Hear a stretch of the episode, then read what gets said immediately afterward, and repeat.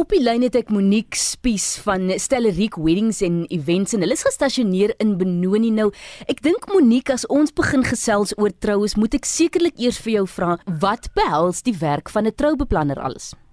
Soos ek altyd vir my kliënte sê, um, om 'n troubeplanner te wees, vat ons basies die stres van 'n bruid en 'n bruidegom af ons werk met baie suppliers wat beteken ons is basically die middelman as jy verstaan. Mm -hmm. Die bruid gesels met my en ek gesels byvoorbeeld met die persoon wat die blomme doen en al daai tipe goed reël meetings om met die bruid um bymekaar te kom om haar idees te sien en jy weet sodat die bruid as ook my suppliers mekaar kan verstaan en weet wat aangaan. Soos wat ek sê, dis meestal maar my stres van almal af daal in die middelman te wees want ek dink dit dit kan die mekaar raak vir jou om soveel stres op jou te hê, 'n troue te beplan en dan met soveel mense moet jy om te weet wat aangaan. Is bruide regtig bruidzilles? Ja, ek gaan my nie glo nie, 'n mens kry een of twee van hulle, maar ek glo ek glo actually dit is nie bruidzilles nie, dit is net party van hulle weet. Jy weet presies wat hulle wil hê en hoe hulle dinge gedoen wil hê. Wat ek voel is baie goed. Ek myself ook iemand wat ehm um, verskriklik georganiseer is en ek hou daarvan om beheer te wees, so ek weet hoe dit voel. Ehm um, ek dink dit is vir hulle baie makliker om met iemand te lei wat verstaan mm. en wat hulle ook weet, daai tipe stres van las sal afvat en wel die goed gedoen gaan kry wat hulle wil hê. So, hoe lank voor die tyd word daar verwag van 'n bruid of dan nou 'n paartjie om jou as beplanner te kontak? Ek voel altyd gemaklik dat dit um 12 maande voor die tyd moet wees. Sure. Want baie idees verander. Um maar jy kry baie bruide wat so 6 maande voor die tyd vir my sê, luister, hier's 'n datum, hier's 'n tyd en hier's 'n venue byvoorbeeld, gaan doen net die res. Ek's nou by die oomblik besig om een te reël vir volgende jaar maart. Ek en baie bruide voel net meer gemakliker om dit lank voor die tyd te doen as 'n mens voel jy het genoeg tyd as jou mind moet change of as jy dalk nuwe idees sien en jy voel dit kan beter werk vir jou.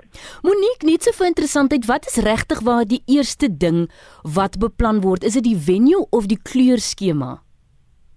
Ek voel mense gaan eers met die venue, want baie venues byvoorbeeld is byvoorbeeld hulle het grasdakke en houtmure of baksteenmure en met daai as jy die venue gesien het en jy voel jou venue is perfek, dan kan 'n 'n mens kan gaan met kleurskemas en daai tipe goed. Mm. Ek meen veral met wintertroue, troues nou as jy dalk 'n hout ehm um, hout venue het dan sal byvoorbeeld 'n maroon of 'n groen so iets baie beter lyk met dit wat deesdae verskriklik in is.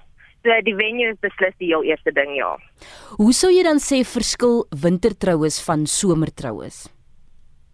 Definitief die kleurskema en verskillende blomme wat um, beskikbaar is teenoor die tyd. Mm. En dan baie mense het, jy weet, verskillende oulike idees, byvoorbeeld buitetroues, buitetroues op 'n grasperk of so ietsie as wat anders is as binne in 'n 'n kapel of binne in 'n kerk. So ek sou sê die klere verseker en dan ook die atmosfeer. Party mense wil met 'n wintertroue net alles binne doen en warm voel waar jy eerder met um, 'n um, buitetroue in die son sal sit en gesels en almal buite besig hou voordat jy nou moet ingaan basies vir ete of speeches of so iets.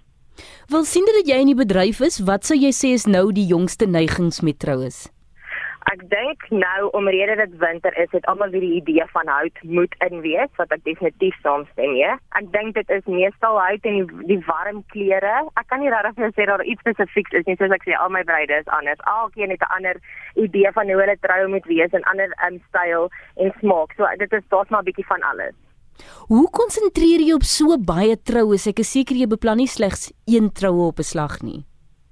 Nee, glad nie. Ehm um, daar's so baie mense wat wat belangstel en soos ek sê, ons doen dit nie net in Benoni. Ons het byvoorbeeld een doen in Clarence en ons het laas laas maand twee in Rustenburg gehad. Dis dit is baie besig. En soos ek sê, ek gaan nie een bruid afstel of af sê vir 'n ander een nie want almal soek dieselfde ding maar ook nie regtig nie. Verstaan wat ek sê? Mm. Ons het baie baie troues, maar ons doen ook ehm um, dis events in 21 verjaarsdagpartytjies en baby showers en al al daai goed.